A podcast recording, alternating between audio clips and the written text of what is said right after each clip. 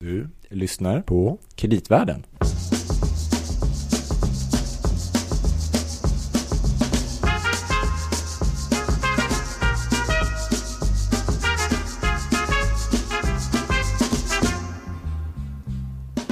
Louis, Gabriel, hej.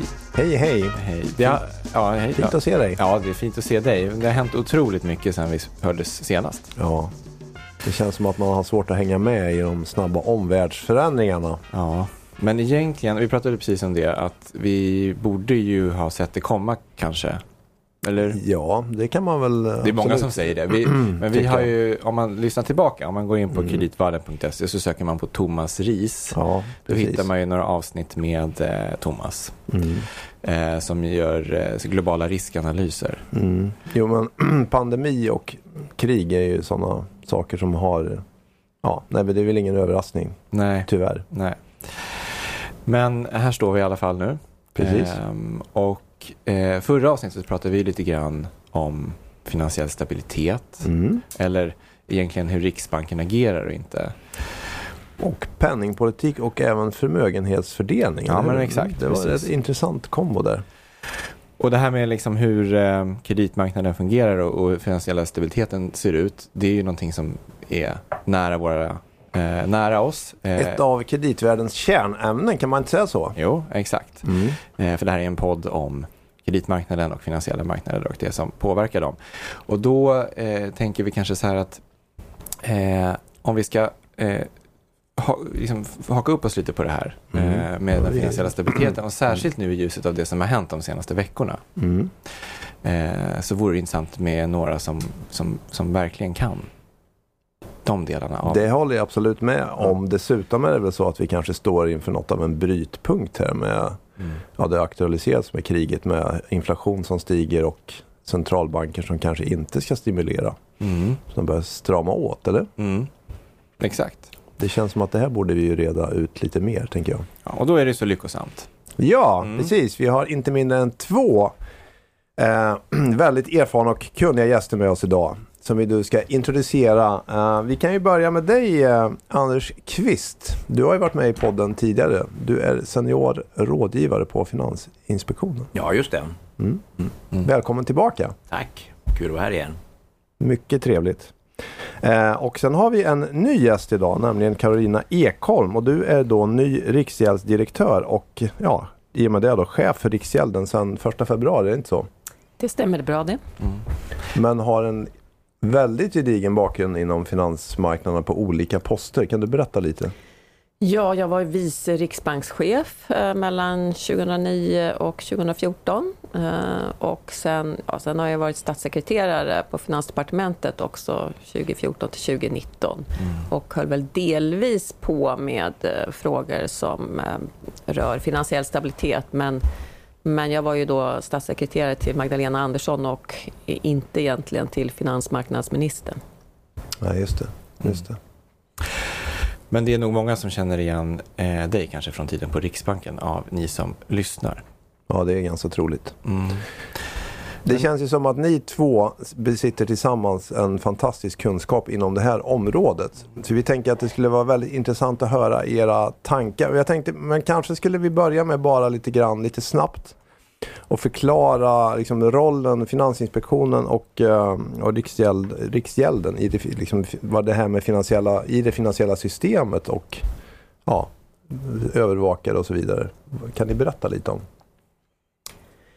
Ja, eh, från vår sida, alltså Riksgälden eh, är en av eh, stabilitetsmyndigheterna kan man säga. De Mm. myndigheter som eh, är invol- involverade när det gäller att eh, främja den finansiella stabiliteten tillsammans med Finansinspektionen.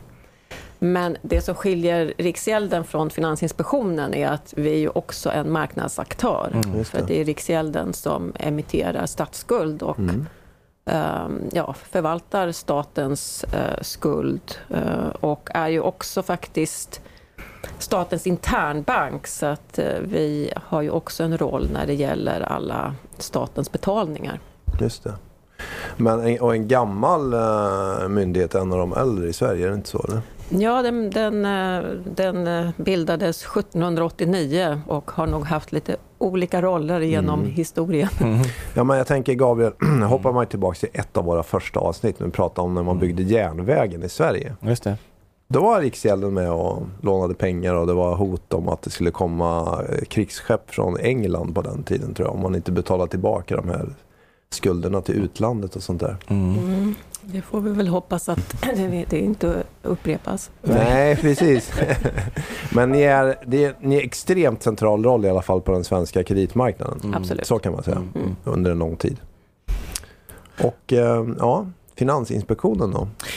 Ja, som Karolina var inne på, vi, vi, det är ju tre myndigheter som delar på ansvaret för den finansiella stabiliteten. Riksbanken, Finansinspektionen och eh, Riksgälden. Och Finansinspektionens uppgift mer specifikt det är ju att utöva tillsyn över de finansiella företagen.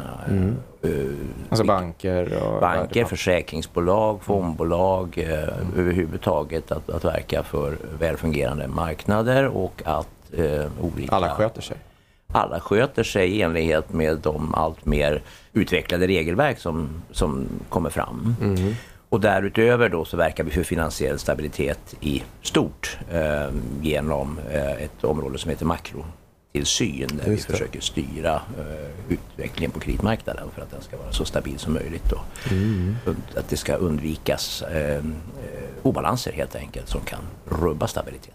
Det som flest privatpersoner kanske känner till är väl det här med amorteringskrav och, och skuldtak vid bostadslån. Ja, just det. Eh, Det är ju Mm. åtgärder gen, där vi genom bankernas kreditgivning försöker påverka utvecklingen på, på, på bostadskreditmarknaden och ytterst på bostadsmarknaden för att undvika överhettning som i sin tur kan skapa obalanser och rubba den finansiella stabiliteten. För den finansiella stabiliteten är viktig för att en modern samhällsekonomi ska fungera och, det, är, och det krävs olika åtgärder och det krävs olika perspektiv på det. Så därför är det tre myndigheter som delar på ansvaret. också. Mm, mm. Just För Riksbanken har också ett ansvar här. Ja, Mm. Jag kan väl säga, kan lägga till när det gäller Riksgälden, eh, det är ett eh, konkret område eh, som Riksgälden ansvarar för i det här. Det är det som kallas för resolution. Så Riksgälden är resolutionsmyndighet för banker och kommer att bli det också för centrala motparter. Och det här med resolution, det är något som då inträffar om Finansinspektionen har gjort bedömningen att ett finansiellt institut eh, inte uppfyller eh, eh, de krav som ställs på dem längre. Eh, och det, De har för lite eget kapital de har för litet eget kapital eller om det är något annat. Mm. Och om det då görs bedömningen att det här handlar om ett systemviktigt institut, då kan man inte Mm. bara låta det gå i konkurs. Då behöver man se till att verksamheten eller delar av verksamheten fortsätter och då är det Riksgäldens ansvar att eh, hantera ett sådant institut. Så att om man så att säga ska avveckla en bank under ordnade former, Ja, då precis. hjälper ni till med det. Ja.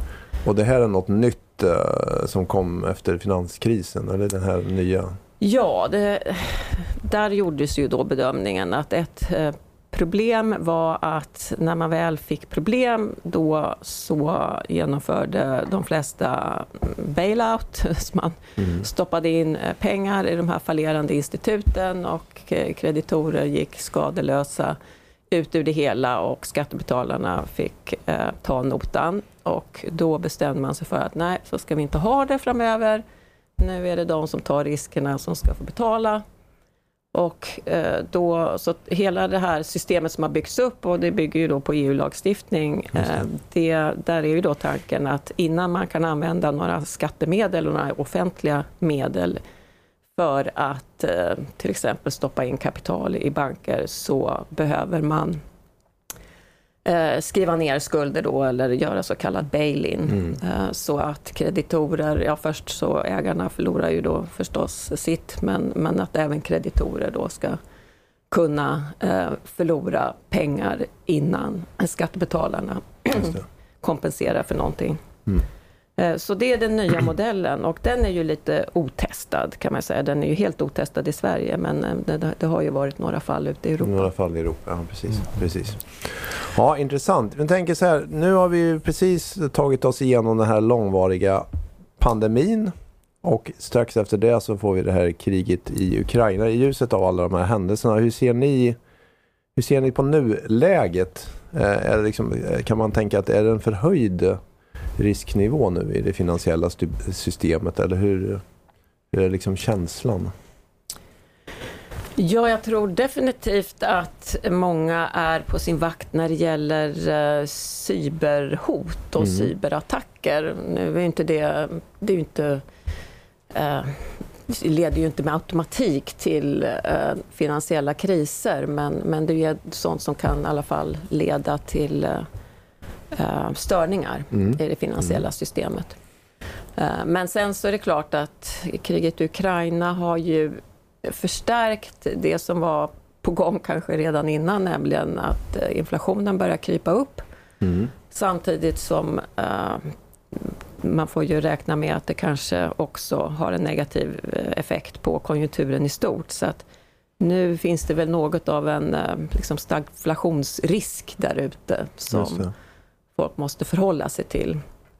Uh, och uh, Eh, exakt hur det påverkar risker för finansiell stabilitet är väl inte helt uppenbart men, men det ställer ju till exempel centralbankerna inför lite svårare avvägningar mm. Än, mm. än vad de har ställts för eh, tidigare.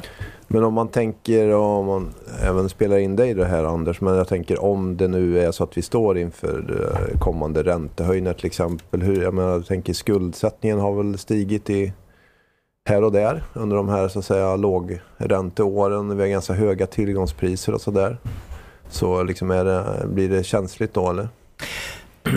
Finansinspektionen har ju ganska länge varnat för att det finns förhöjda risker eh, till exempel både på bostadsmarknaden och på den kommersiella fastighetsmarknaden. Och mycket av det handlar ju om hög skuldsättning mm. hos eh, privatpersoner och hos, hos företag, inte minst hos fastighetsföretag. Eh, det är klart att en väldigt lång period av mycket låga räntor har gjort det frestande att, mm. att låna för att investera, att låna för att köpa fastigheter, köpa bostad och så. Och eh, det har framstått som ganska billigt att ta på sig stora lån. Mm. Eh, vi har ju försökt motverka det här med olika åtgärder som vi var inne på för ett tag sedan. Amorteringskrav och bolånetak bland annat. Och vi varnar också för, eh, vi har varnat för att eh, den kommersiella fastighetssektorns belåning i ett högre ränteläge skulle kunna bli en, en stabilitetsrisk. Och mm. därför har vi till exempel infört att eh, de svenska bankerna måste hålla mera kapital för sin utlåning till kommersiella fastighetsbolag. Det. det. pratade vi med dig om, den här riskvikts, eh, eller hur? Just precis. Och man kan säga att vår uppgift är ju egentligen inte att göra prognoser om det snart vänder och räntorna stiger eller så, utan det är mer att identifiera sårbarheter för tänkbara mm. utfall. Vi har haft som sagt en otroligt lång period av låga räntor som gör att, man, att det kan vara lätt att um, förbise risken för, för kanske inte bara kraftigt stigande räntor utan även något stigande räntor. Mm. Och nu ser det möjligen ut som att, att inflationstrycket av olika skäl är på väg upp till den grad att det blir oundvikligt att räntorna stiger. Kanske både att marknadsräntorna, obligationsräntorna stiger och att centralbankerna mm. måste eh, höja styrräntorna. Och då kommer flera av de här förhöjda riskerna att så att säga börja realiseras mm. eh, i, hos de eh, företag och, och, eventuellt privatpersoner som är väldigt högt belånade. Men, en snabb fråga där om fastighetsföretagen. För visst gjorde ni en uppdatering av er den här stresstesten där ni tittade lite grann. Jag tänkte efter att ni införde de ökade riskvikterna. Mm. Har det haft önskad effekt? Eller för jag har för mig att eh, det fortfarande finns så att säga sårbarheter. Behöver, kommer man att behöva höja riskvikterna ännu mer? Eller? Ja, det tror jag är för tidigt att säga men mm. eh, eh, vi, eh, totalt sett så har ju de svenska bankerna en god motståndskraft mm. även för stora eh, förluster i värsta fall på till exempel kommersiella fast, utlåning till kommersiella fastighetsföretag. Eh, och det är, ju, det är ju resultatet av en väldigt lång period av många olika åtgärder för att stärka motståndskraften både, mm. både eh, när det gäller kapitalkrav och likviditetskrav. Så att jag, jag, jag tror att de svenska bankerna står stabilt i, i det här läget. Um, Men sen är det också så att en stor del av fastighetsbolagens upplåning ligger utan säkerhet ute på obligationsmarknaden. Det är ju ett fenomen på senare år. Mm. Och det förtjänar uppmärksamhet mm. Eh, här nu. Eh, hur, hur fungerar obligationsmarknaden i ett sånt här läge? Men det här leder ju in till nästa intressanta område här på stabilitetshållet. För att i, i början på coronan skakade det ju till lite grann på företagsobligationsmarknaden. Apropå det du säger att man lånar mer pengar där. Och det föranledde bland annat att Riksbanken gjorde en del stödköp och så vidare. Och sen har ju ni, eh, vad ska man säga, haft det här området under bevakning och, och så att säga tittat på fonder som har placerat i de här instrumenten och sånt där och ställt lite likviditetskrav och sånt där. Så hur är uppfattningen nu under den senaste marknadsturbulensen? Eh, liksom, hur har det gått tycker du på företagsobligationsmarknaden kontra förra gången eller 2020 då? Jag skulle säga so far so good eh, mm. när det gäller företagsobligationsmarknaden och fondmarknaden. Eh, det har varit utflöden ur företagsobligationsfonder eh, sedan Ukraina-kriget började. Men de är inte lika stora som de var i mars 2020 när pandemin kom. Mm. Det är också så att företagsobligationsfonderna har haft en bättre likviditetsberedskap. Mm. Det vill säga, de har inte varit tvungna att sälja företagsobligationer så att säga till varje pris för att få loss likviditet att kunna möta eh, kundernas eh, uttag som fallet eh, var i våren 2020. Eh, och en del av det handlar nog om att, att vi från Finansinspektionens sida har pratat väldigt mycket om att eh, eh för, fonder i allmänhet och, och inte minst företagsobligationsfonder måste ha en bättre likviditetsstyrning. Mm. De måste ehm, eh, stresstesta eh, både sina utflöden och eh, omsättningsbarheten i sina, i sina portföljer och se till att det finns tillräckligt med likviditetsreserver för att möta även oväntat stora utfall. Och det där verkar ha, ha eh, tagit skruv så att mm. säga, att branschen jobbar seriöst med att förbättra sin likviditetsberedskap. Eh, det finns också numera olika sorters likviditetsverktyg, eh, till exempel så kallad swing pricing som gör att man, att fondbolagen kan ehm, eh, göra det dyrare för kunder att ta ut pengar i särskilt utsatta lägen mm. för att vi inte ska få en sån här risk för en, en ut, uttagsanstormning, alltså att det. det. gäller att försöka komma först ut ur fonden så, eh, oavsett vad konsekvensen mm. blir för de andelsägare som är kvar. Så att läget ser bättre ut än, än tidigare men man ska vara klar över att det är väldigt stora belopp som inte minst fastighetssektorn ändå har utestående på, fast, på obligationsmarknaden. Det finns eh, över, över, över tid en utmaning i att se till att refinansieringen där flyter på så att säga. Mm. Dessutom har nettoupplåningen från fastighetssektorn på obligationsmarknaden ökat år för år. Så, så att det är också nytt drivmedel för att hålla igång mm. eh, eh marknaden som hämtas där. Men, för, förlåt, men tänk, för det här är också intressant uh, i och med och då kommer man in kanske på ett annat delområde vilket är de här stödköpen som olika centralbanker har gjort och vi har Riksbanken har stödköpt både olika um, säkerställda obligationer, statsobligationer och företagsobligationer. Då. Men vi vet ju även att ECB har kanske köpt ännu större kvantiteter vilket har gjort att många fastighetsbolag av de större svenska har ju kunnat låna på den europeiska marknaden. Uh, och i den bemärkelsen, i alla fall i räntenivån och så, kanske man är lite beroende av de här stödköpen om de fortsätter och i det fall de börjar trappas ner så kan man ju tänka sig att upplåningskostnaden kan stiga en del. I, kreditspreadarna, mm. eh, alltså räntepåslaget som eh, företag eh, får betala över den riskfria räntan för att låna pengar på obligationsmarknaden har ju redan gått upp här mm. och nu så att ja. säga under den här krisen. Kanske upp någonstans beroende på kreditvärdighet mellan en halv procent och en procent eller någonting sådant i, i påslag. Så att det har blivit dyrare att låna för alla, mm. alla företag det är inom rimliga gränser, och det där är kanske inom rimliga gränser, den typen av utspädning, eh, så är väl det egentligen bra. Det är en mera realistisk prissättning av, ja. av risk och som kanske dämpar något eh, viljan att, att, att låna mer och mm. mer och mer. Um, det var ju ändå så, alltså före Uk Ukraina-krisen eller mm. kriget i Ukraina så var väl spreadarna nerpressade till en nivå så att Ja. de var lägre än eh, för våren 2020. Absolut. Eh, Så det är ju så att... att eh, Så det har skett en, en hälsosam korrigering kanske. Ja, det, det har det gjort. Det som är viktigt nu är ändå att marknaden sen fungerar på de här nivåerna. Alltså är detta jämviktspriser eller ska spreadarna ut ännu mer? Det vet vi ännu Nej. inte. Så det är mycket lägre emissionsaktivitet just nu än det var tidigare. Andrahandsmarknaden fungerar sådär kan man väl säga och det gör också att primärmarknaden inte fungerar, eh, inte, inte, har lika, inte har samma omsättning som, som Nej. vanligt. Alltså det, är, det måste man följa väldigt, väldigt noga. Det, och det gör också att man funderar på hur centralbankerna ska agera nu då Mm. eh, med stödköp eller inte. Och, eh, då kommer vi tillbaka till liksom det vi pratade lite förut om, eh, om, om räntorna är på väg upp eh, för att möta en, en ökad inflation. Hur ska man se på andra, de andra penningpolitiska verktygen? Som till exempel stödköp då?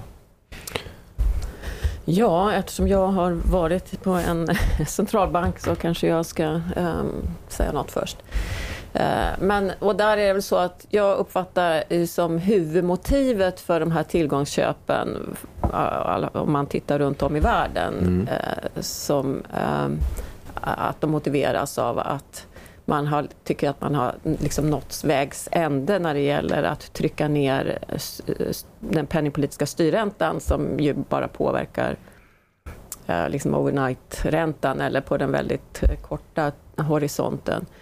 Och att man då har använt tillgångsköp som ett sätt att eh, pressa ner räntor mer längs hela avkastningskurvan och kanske pressa ner en del eh, spreadar också. Ehm, Så de minsk, minskar de faktiska upplåningskostnaderna för företag? Ja, liksom för någonstans så det som eh, den här penningpolitiska eh, transmissionen eller ja, när vi ska gå från ett penningpolitiskt beslut till att det får någon effekt på ekonomin så ja, då ska det ju påverka de räntor som möter hushåll och företag.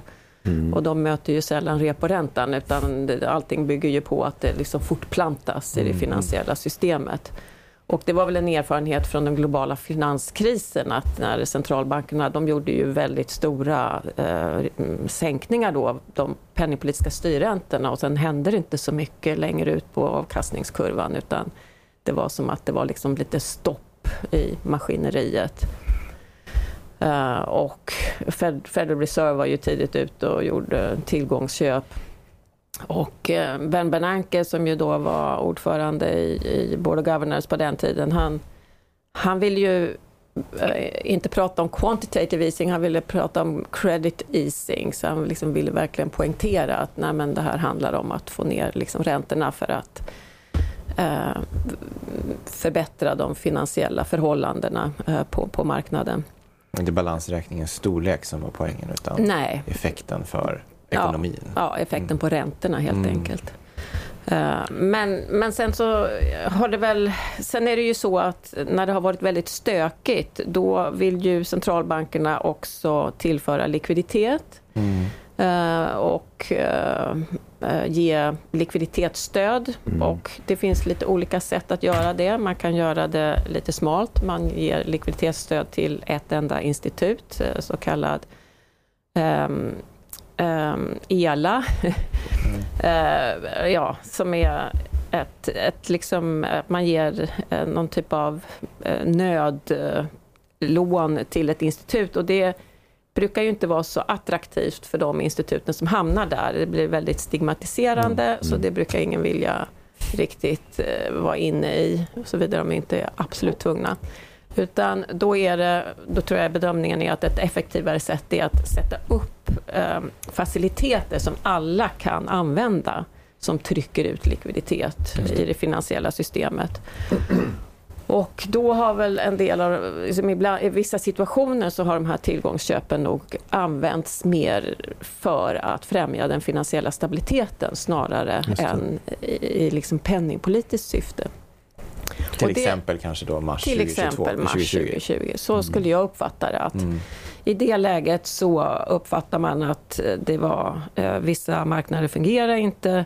Eh, då kunde Riksbanken gå in eh, som köpare eh, på andrahandsmarknaden och eh, det gjorde de här marknaderna mer likvida och eh, det var ett sätt att förbättra marknadsfunktionaliteten. Mm. Men det är klart att den episoden den gick ju över ganska snabbt. Så, så nu i det här läget, och då hade man ju precis höjt reporäntan en, en bit då, från minus 0,5 till 0 i två steg. Så nu sitter man där med noll i styrränta och sen så har man Alltså man har ju inga nettoköp längre men man, man investerar ju eh, förfall och så vidare så att eh, man vidmakthåller mm. Eh, omfattningen på, på köpen. Men jag tänker för att det känns som att de här stödköpen, det var ju såklart att det började i USA och var, kan, har varit störst där och sådär. Och sen har det kommit hit och kanske delvis av olika andra skäl. Men det tycks ju som när man tittar på den här längre tidsperioden att det har ju varit lätt att addera på nya stödköp men det har ju i praktiken visat sig vara ganska svårt att minska på de här stödköpen. Och nu står vi kanske inför en period där man, i alla fall Fed har ju sagt att de ska börja minska på sina, eller hur? Så att man ska börja strama åt nu.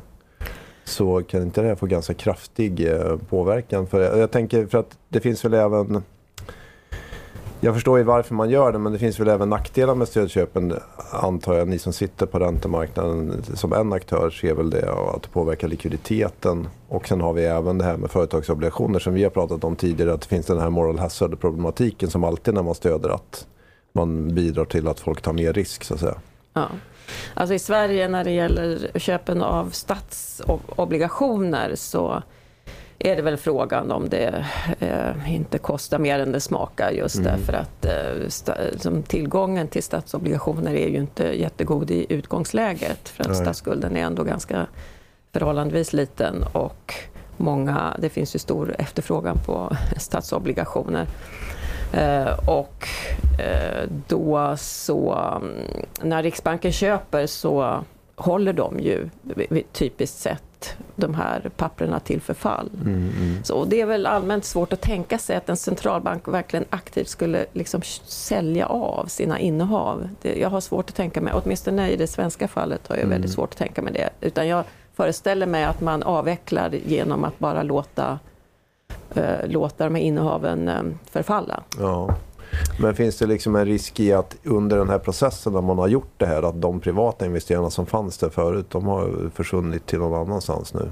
När de ska komma tillbaka och behövs liksom, eller? Ja, alltså, i viss mån så kanske det finns ett problem när det gäller särskilt internationella investerare. Mm. Att intresset för att vara verksam på en liten valutamarknad där där handeln inte kanske funkar så där jättebra så man vet inte om man kan gå in och ut mm. till samma pris snabbt. Mm. Eh, då kanske de föredrar att eh, vända sig någon annanstans eller avhålla sig från att vara inne på den marknaden. Och det kan ju finnas nackdelar med att ha, ja, åtminstone för, för oss då på Riksgälden, att ha en potentiellt eh, mindre investerarbas Um, så att det där är väl ett, eh, ett potentiellt problem.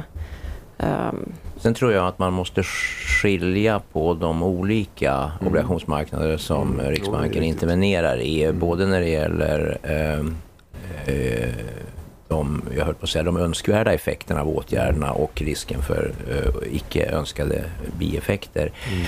Eh, när det gäller bostadsobligationsmarknaden, den säkerställda obligationsmarknaden, så eh, har ju Riksbankens köp lett till pressade kreditspreadar även där. Alltså mm. att bospreaden, eh, räntepåslaget över statsräntan eller swapräntan har gått ihop ganska mycket blivit låg helt enkelt på samma sätt som på företagsobligationsmarknaden. Och det leder ju till att eh, det har lett till att det är helt enkelt inte lika lönsamt att agera i bostadsobligationer för privata aktörers sida vilket i sin tur påverkar den marknadens funktionssätt. Och den marknaden är ännu mycket större än statsobligationsmarknaden. Den är svenska räntemarknadens största del, så att säga. Och utan, utan jämförelse, mm. tack, tack vare att vi har stabila eh, statsfinanser med ja. måttliga upplåningsbehov och tack vare att vi, och på grund av snarare att vi har haft en sån kraftig expansion på bolånemarknaden som i sin tur har lett till ett stort behov av att emittera eh, bostadsobligationer, och där säkerställda har, obligationer. har Riksbanken köpt ungefär 20, 20 procent ungefär av på, svenska. på, på kort tid dessutom än från pandemin och framåt medan statsobligationsköpen har ju pågått sedan 2015.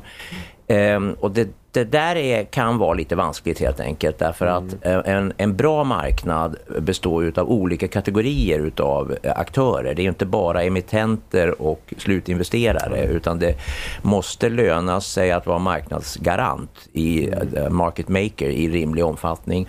Och det krävs också, även om det ibland kan vara lite svårt att förstå det, men det krävs alltså en del kan vi kalla det för lite mera tradingorienterade, lite mera spekulativa aktörer eh, i eh, små fiskar i, i, da- i dammen som är, med och, och försöker tjäna pengar. För det tillför också likviditet så att stora investerare när de vill ändra sina positioner har, har så att säga fler, att, fler tagare än bara, bara market makers, marknadsgaranterna. Och en del av de aktörerna som har tillfört likviditet har nog försvunnit. Ja. Eh, därför att det helt enkelt inte är lika lönsamt längre. Nej, men det var därför jag tänkte, nu är det kanske mer en parallell från USA, men var inte det 2019 när det var den här väldigt stora dramatiken i, i Treasury-marknaden och Fed fick gå in och intervenera ganska mycket för att liksom eh, Ja, det var ett antal händelser men egentligen var det väl mer att det blev så kraftig reaktion på, på priserna då på obligationer. eh, Så att man var rädd för att den höll på att kollapsa marknaden. Så att eh, det jag tänker är att om man ett steg leder till att man måste ta nästa, sen måste man ta nästa. Alltså det är svårt att... Är det liksom en one way street det här? Eller hur, hur ska man tänka kring det här? Nej, men det är väl också något att, ett observandum. Att um, ju, ju längre man ju längre man går på den här vägen, Mm. att varje gång det händer någonting så är man där. Ja, exakt.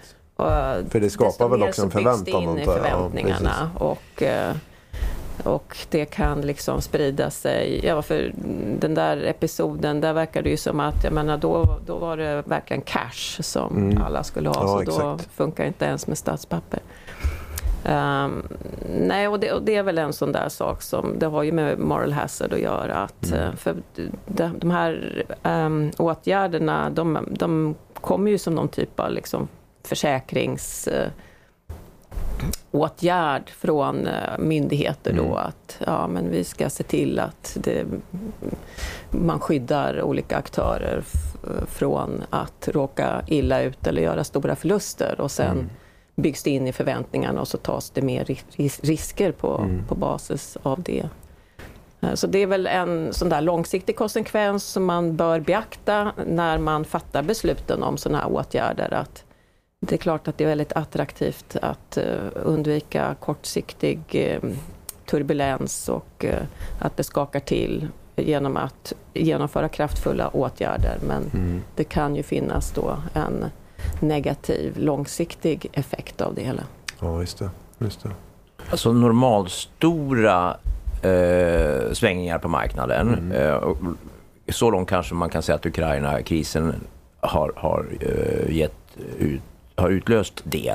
Just det. Det ska man nog överlåta åt marknaden själv att, Mm. att absorbera så att säga. Och så får man jobba långsiktigt för att se till att aktörerna har tillräckligt med kapital och sådär så att de ska kunna helt enkelt palla med det. Eh, och så tillvida så är det ju rimligt att, att till exempel eh, i, inte gå in och särskilt stödja företagsobligationsmarknaden här och nu utan den, den, den, den håller på att, att åstadkomma en, en jämvikt och det, det är nog eh, positivt. Däremot mars 2020 då hade vi ett, ett, ett, en situation av genuin osäkerhet. Ja. Ingen visste hur det såg ut. Alla tillgångsmarknader föll och det var oerhört dramatiska BNP-fall trodde vi att vi stod eh, inför innan alla sorters eh, stimulansåtgärder infördes. Ja. Där var det motiverat att gå in och köpa eh, från Riksbankens sida både företagsobligationer och Det var liksom bostadsobligationer. ett par generationer helt unik situation.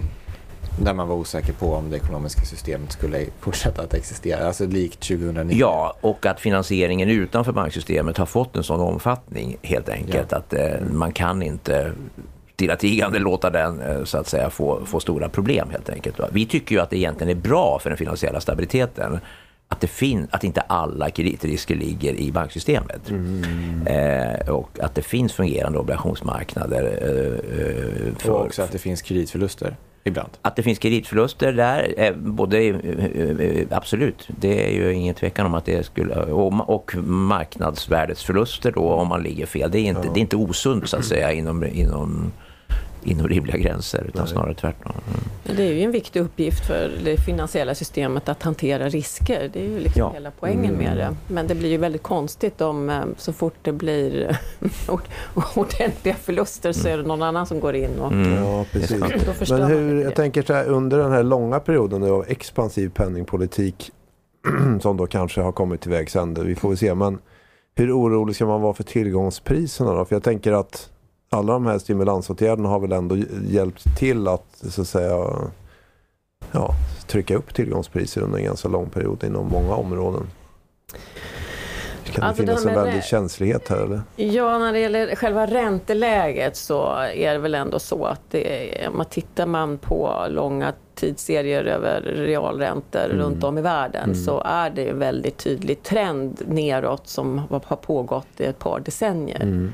Och det är svårt att, säga att det är en konsekvens av den ekonomiska politiken eller liksom penningpolitiken. Det finns ju de som absolut eh, menar det men det är nog inte min uppfattning utan eh, och det finns ju ganska mycket skrivet om att det finns liksom strukturella faktorer ändå som har tryckt ner realräntorna globalt. Mm.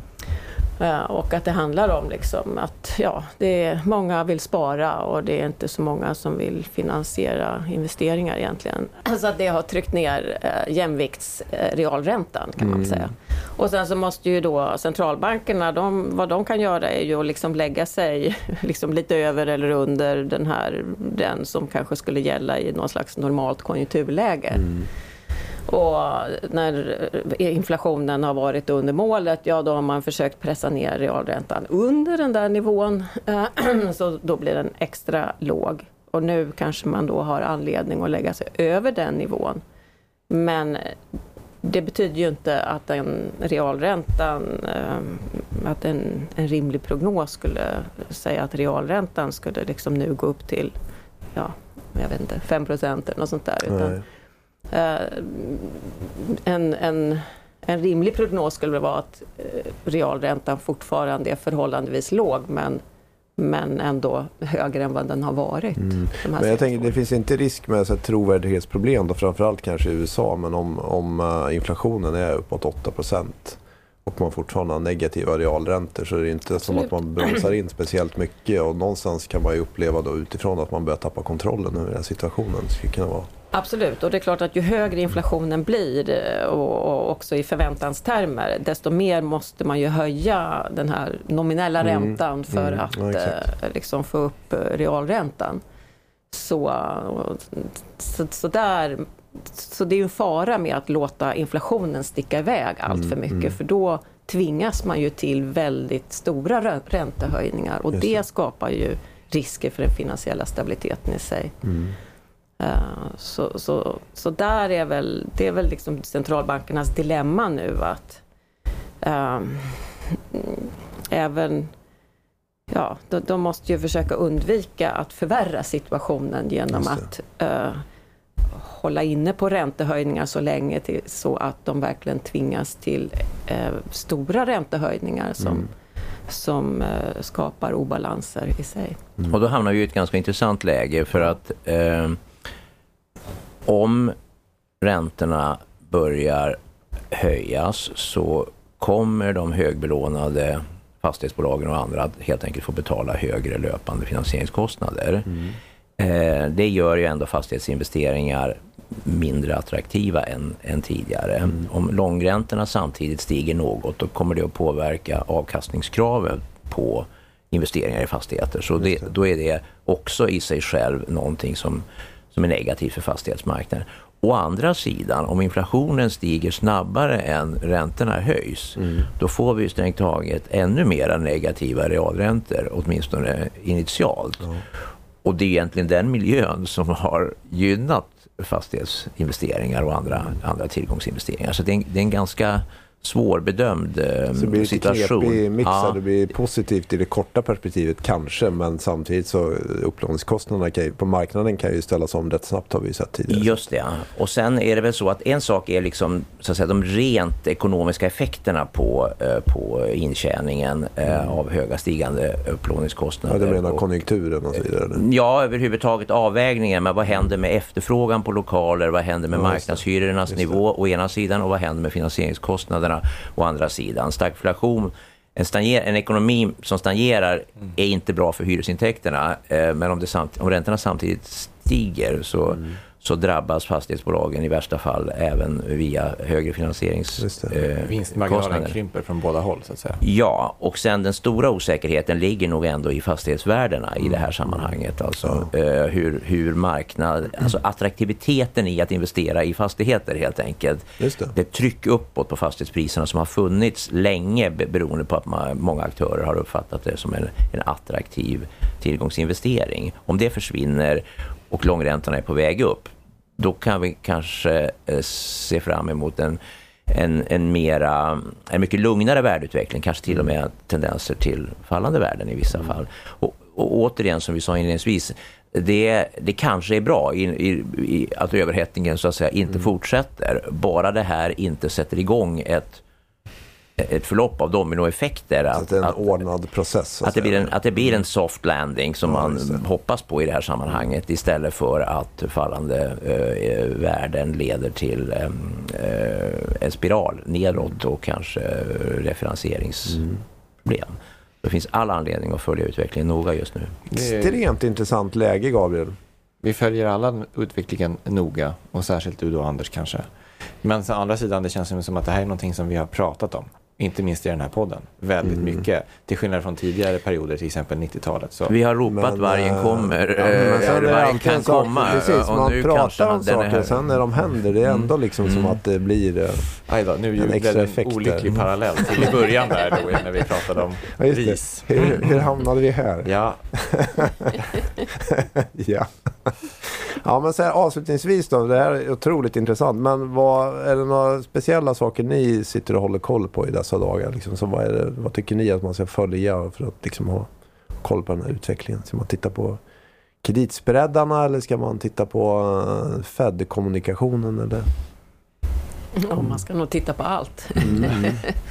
För, eh, nej men ja. Svårt att välja en faktor kanske. Ja, och eh, nej, men spreadar är ju viktiga också för att säga något om marknadsfunktionaliteten och där har vi ju sett eh, under senare tid också, jag menar i alla fall från vår horisont, att eh, på statslånemarknaden så har ja, så köp och köp-sälj-spreadar har ju Mm. gått upp och liksom realobligationsmarknaden eh, funkar dåligt och sådana där saker.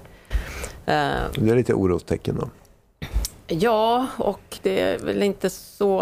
Ja, men dels har det väl att göra med den här bristande likviditeten men, men sen är det väl också relaterat till att det är så mycket osäkerhet kring Mm. läget nu. Mm.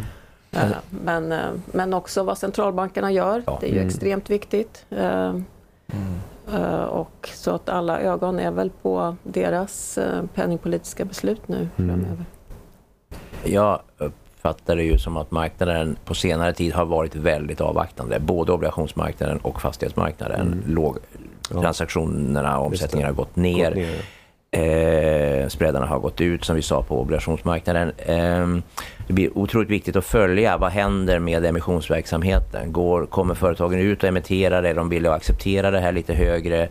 Eh, lite högre upplåningskostnader. Är placerarna, tycker placerarna att de får tillräcklig kompensation för ändå det, de, de oklara både ekonomiska och marknadsutsikterna? Det vore positivt om vi kunde se det både på, när det gäller obligationsmarknaden och fastighetsmarknaden. Alltså en viss repricing men Ja. ökad omsättning vore eh, nog eh, vore egentligen ett, ett positivt tecken. Så det ska man, eh, det ska man se. Man, man ska följa den utvecklingen väldigt noga tror jag. Så. Och sen naturligtvis hur Riksbanken omprövar sin pe- penningpolitik. Det finns ju vissa, vissa tendenser, Ja. vissa uttalanden i den riktningen. att det som gällde i februari inte gäller längre så att säga. Det Nej, tror jag, exakt. för, för oss Det i Sverige är det väldigt stor betydelse också. Intressant kommunikation förra veckan via Radio Halland var det väl? Eller det? P4. P4. P4 Halland. Mm. Lite förvånade många, men icke desto mindre så antyder det att det är någonting på gång kanske. Mm. Ja, vad säger du Gabriel? Det här var väl spännande? Fantastiskt. Jag tycker Mm. att det är som vanligt, eh, eller ibland så får vi lite bingo i podden. Ja. Att det är alla våra teman på en gång. Eh, en, eh, ett robust finansiellt system är det många som letar efter. Men hur är det inte så enkelt. Nej. Nej. Nej, men det här, vi ska rota vidare i det här tycker jag. På Mm. lite olika underteman. Men vi har ju ibland en liten eh, tendens att fokusera mycket på de negativa sakerna. Mm. Eh, och sen brukar vi ibland... idag Nej, men jag tänkte på det här. Vi brukar ha en låt ibland. Ja, just det. Har du tänkt på det? Eh, na, på slutet menar du? Ja. Ja, ja jo. Ja, Ja. Det finns faktiskt en låt med eh, en person i USA som heter Lou Rawls. Som är en fantastisk... Är Lou Reed. Nej, nej, faktiskt inte. Nej. Nej. Han är en annan person. Annan Lou Lou. Lou, men det är en bra början på ett namn. Ja. Eh, Rawls, det, inte, det handlar inte om okunnighetens slöja det här alltså. utan Det är något annat. I alla fall, den här låten. Ja. Den heter Your good thing is about to end. Oj då. Hoppsan. Ja, hoppsan. precis. Ja. Ja, men jag tänker att det är ändå en ny era. Vi, gästers om om man nej. tycker att eh, stimulanser från centralbanker har varit något positivt så Ja. kanske det håller på att ta slut. Det är tanken med att spela den här låten, Mm. tänker jag. Brace yourselves. Mm. Tack så Ja. mycket Anders. Tack. Caroline. Stort tack. Vi hörs. Det gör vi. I said you better look out. Your good things about to come to an end. Yeah, baby. I'm talking about your real good things about to come to